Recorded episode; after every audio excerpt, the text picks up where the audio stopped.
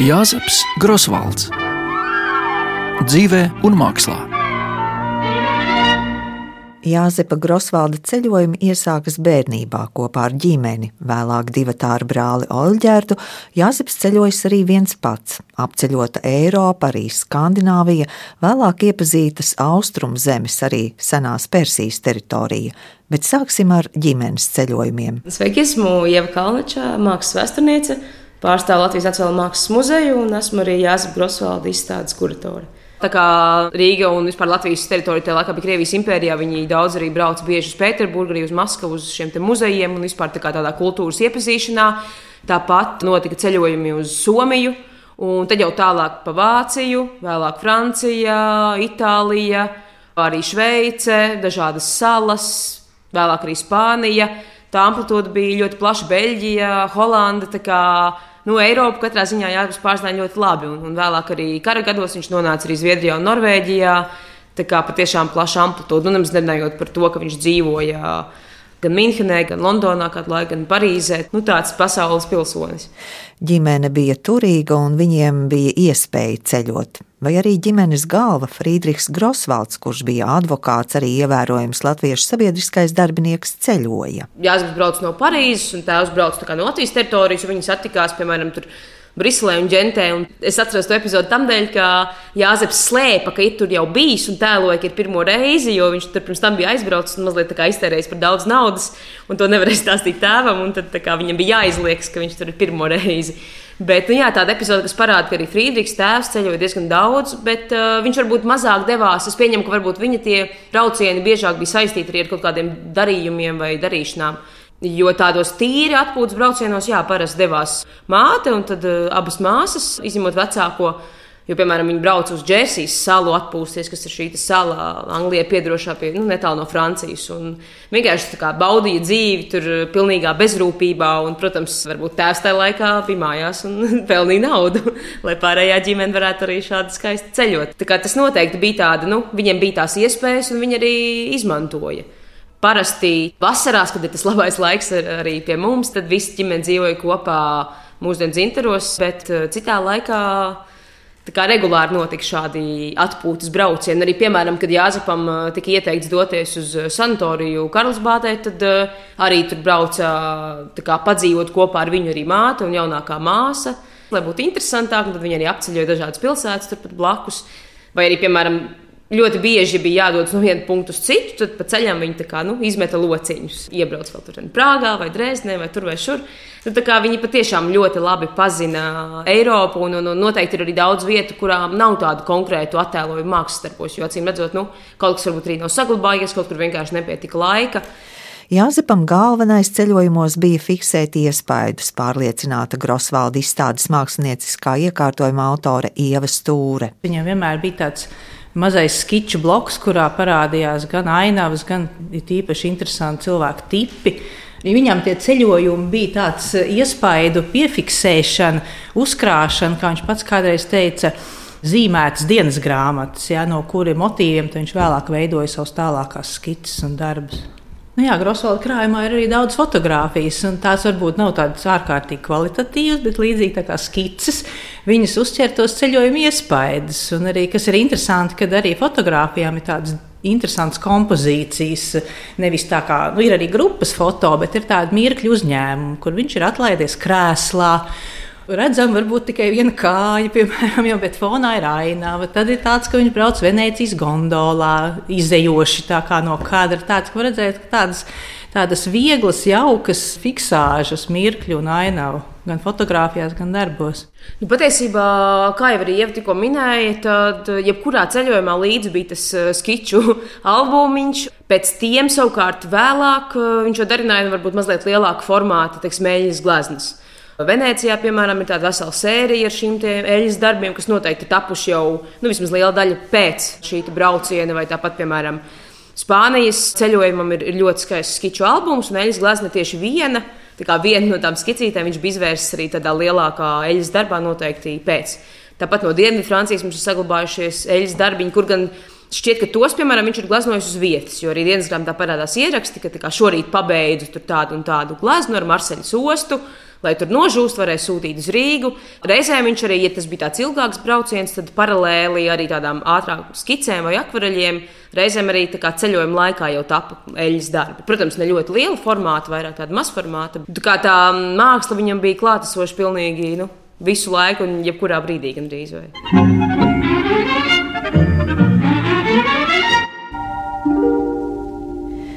Turpinājumā par svarīgākajiem Jāzepa Grosvalda ceļojumiem gan Eiropas, gan Austrumu zemju, kā vienu no būtiskiem Ieva Kalnača min braucienu uz Venēciju, tur pavadīts vairāk nekā mēnesis. Un tas bija 1910. gadā, kad viņam bija tikai 19 gadi. Tas noteikti bija tāds ļoti liels piedzīvojums un arī tāds kā vizuāls baudījums. Un arī var just, ka tā viņa māksla mainās.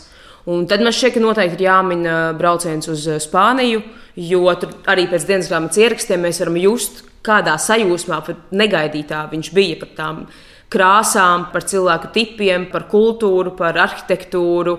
Tas viņu ļoti, ļoti iespaidoja, un, un, un tur jau Spānijas skicēs parādās tas, kas man šķiet vēlāk tiek ļoti attīstīts jau, kad viņš nonāk senās Persijas teritorijā. Jāzep motīvi nav tādi visslavenākās vietas vai plašas panorāmas. Viņam diezgan bieži ir tādi nelieli stūrīši, piemēram, Venecijā. Ir grūti saprast, kas tas īsti ir. Tur daļa tilta, daļa kanāla vai, vai laivas fragments. Jā, viņi interesē kompozīciju, neparastas krāsas. Un to, kā viņš ieraudzīja tās neparastās krāsas, to viņš krāšņi apraksta, kad ierodās no Latvijas, ierodās Venecijā.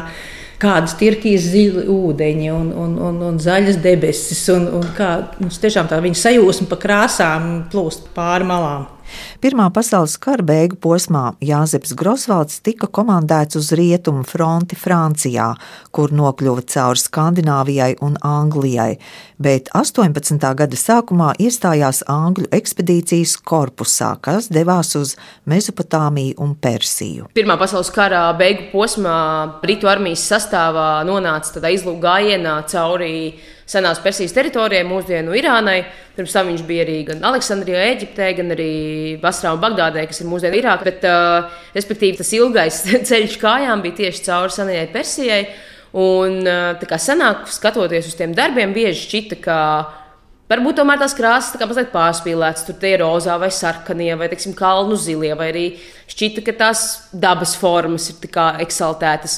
Bet patiešām ir sanācis tā, ka arī es pati nonācu Irānā un braucot pa šo zemi, visu laiku gribējās iesaukties, kad redz, kur Grosvalds, redz, kur Grosvalds, jo patiesībā simts gadu laikā nekas gandrīz nebija mainījies. Ar nožēlu jāsaka, ka diemžēl arī sievietes mūsdienās izskatās tieši tāpat kā pirms simts gadiem ar šiem melnajiem tērpiem, bet uh, gan tie kalni ir tādi, gan tā gaisma ir tāda, gan krāsas ir tieši tādas, kā viņš apraksta un arī attēlojas šajā ļoti plašajā austrumu sērijā. Tas nav izdomāts, tas patiešām tā ir. Kas ir interesanti, ne tikai austrumu, bet uh, arī citos ceļojumos, kad uh, Jāzeps ļoti pieraksta krāsu apzīmējumus. Par Eiropu braucot, tās krāsu apzīmējumi tiešām ir tādi, kā mēs viņus pazīstam, bet austrumos reizēm jūt, ka viņam vienkārši pietrūkst. Un tad, kas man ļoti patīk, tad viņš mēģina izteikties, ka teiksim, upe vēž uz upes krāsā, jo jūt, ka viņš vairs nu, nevar atrast to. tādu, tad viņš arī reizēm raksturo kā kalni, kā mēnesis ainavas. Vai, Vai kad liekas, ka Dievs tikai vakar zemi atdalīs no debesīm, redzēt, ka um, tās ainavas ņem tiešām lēkam un formas un krāsas liekas tik neparastas, ka viņš meklē papildus apzīmējumus, lai viņas aprakstītu. Arī tas uh, gājiens ļoti lielā mērā notika kājām. Skaidrs, ka tas ir daudz lēnāk nekā varbūt kaut kur patraukties garām ar, ar, ar mašīnu. Un arī bija vairākas vietas, kur viņi dzīvoja ilgāku laiku, nu, kādas nedēļas uz vietas. Līdz ar to jā, viņam bija iespēja un bija laiks veikt šos novērojumus.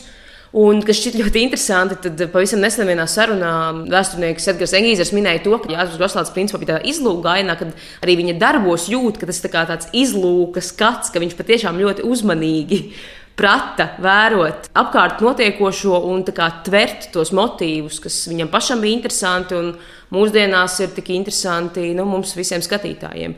Tie ir gan, gan, gan tipi, gan, protams, tērpi, gan viņš ļoti plaši arī apraksta un attēlo, piemēram, vīriešiem tur sarkanas ar hennu krāsotas bārdas un tās galvas segas. Un mēs redzam, ka tas ir tāds skatiens no cilvēka, kurš ir iedziļinājies tēmā.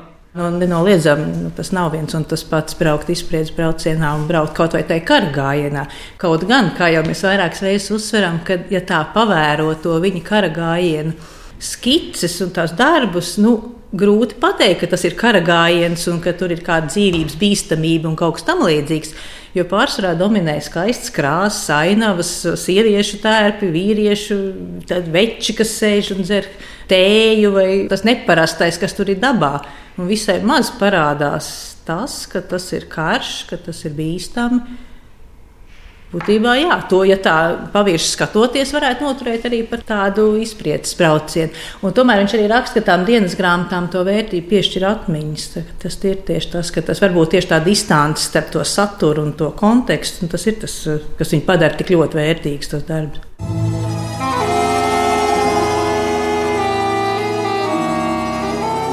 Esmu noņēmies tagad dzīvot mākslā. Jāzeps Grosvalds. Eiropas ceļojumos Jāzepam Grosvaldam bijis svarīgi ne tikai vērot dabu un baudīt vietējo kolorītu, bet arī apmeklēt muzejus. Salīdzinot citiem latviešu māksliniekiem, viņam bija iespēja dzīvē apskatīt tā laika izcilākos mākslas darbus, arī senākus vēsturiskus mākslas darbus, un ko viņš arī bieži darīja un par ko viņš arī rakstīja. Un piedevām, teiksim, Spānijas brauciena laikā viņš atklāja Goju, Velaskejs, Ticiānu. Viņš pat raksta, ka uh, viņš redzējis 30 ticiānus, tik daudz un visi tik labi. Jā, jo noteikti viņš bija redzējis šos darbus Parīzes muzejos vai kā, bet kad tu nonāc Spānijā uz vietas, kur tiešām ir mākslinieki dzimteni un kur ir viņa darbi plašā izklāstā, var redzēt, ka tas viņu ļoti pārsteidzis un iedvesmojis. Un tā, tā arī noteikti bija viena no ceļojuma lielām vērtībām. Ļoti bieži šī, ka tiklīdz viņi iebrauc kādā pilsētā, pirmais, ko viņi darīja, viņi devās uz nozīmīgākajiem muzejiem. Un ļoti bieži, pat ja viņi bija kādā pilsētā, nezinu, divas, trīs dienas, tad viņi gāja atkārtoti uz muzejiem, bet tiešām studēja vecmeistars un ļoti pētīja. Un, bet skaidrs arī, ka viņš diezgan labi pārzināja to lauku. Tāpat jau pieminēja Spāniju. Spānijā viņu arī ļoti iedvesmoja El Greco darbi. Un arī tur, nezinu, pāris dienas vēlāk, pēc Prādo apmeklējuma, viņš raksta, ka pats ir uzdevējis Tuledo ainam ar El Greco debesīm. Viņš jau pilnīgi uzreiz to pārnes arī uz, uz, uz, uz to savu mākslu. Un arī, teiksim, dzīvojot Parīzē, viņam bija speciāla atļauja nokārtot, ka viņš varēja iet uz Louvru katru dienu un nu, tur uz vietas gleznot. Un es saprotu, ka tas nemaz nebija tik vienkārši izdarāms, tas bija tāds diezgan sarežģīts dokumentu kārtošanas process. Jo nu, noteikti, ka Lūvija jau nebija pilnīgi piebāzta ar māksliniekiem, kas tur glaznoja. Viņš eh, diezgan nopietni piegāja arī šim jautājumam, kas ir tā vecmeistara studēšana. Jā. Kāda būtu Jāzepa Grosvalda māksla, ja nebūtu notikuši šie ceļojumi? Par to mums grūti spriest norāda Ieva Stūre. Es domāju, ka tie ceļojumi iespēja noteikti deva zināmu nokrāsu, ļoti būtisku nokrāsu viņa mākslā. Es atceros eh, no viņa dienas grāmatām, kad eh, vēl dzīvojot Latvijā, kamēr ģimenē tika apspriests jautājums par to, kur tad viņš pabeidzis vidusskolu mācīsies. Viņš dzīvo jūrmalā, un viņš apraksta, ka viņam liekas, ka šīm zilajām debesīm piestāvētu cipreses un dzeltenas uh, mūra drupas un kas, nevis mūsu garlaicīgie priežu stumbri un netīrās skujas. Tādu viņš ir ierakstījis.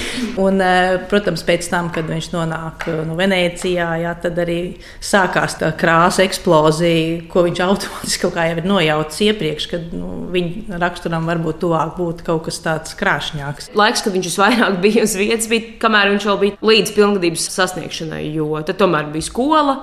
Arī vasarās vairāk ģimene dzīvoja uz vietas, un nu, tad bija tieši tādi konkrēti nu, tā izceļojumi uz kaut kurieni. Bet pēc tam jau sākumā viņš dzīvo gandrīz gadu Minhenē, vēlāk eh, Parīzē vairākus gadus. Pa vidam ir šis obligātais kara dienests mūsdienu Lietuvas teritorijā, vēlāk ir austrumī. Kara laikā viņš daudz uzturs arī. Pēterburgā, vēlāk arī Londonā, Parīzē. Tā kā noteikti, ka tajā laika posmā, kas ir no 18 gadiem līdz viņa nāvei, Tur nu, Latvija ir tādi īsi ieskrējieni. Patiesībā pēdējos savos dzīves gados viņš vispār neatgriežas Latvijas teritorijā.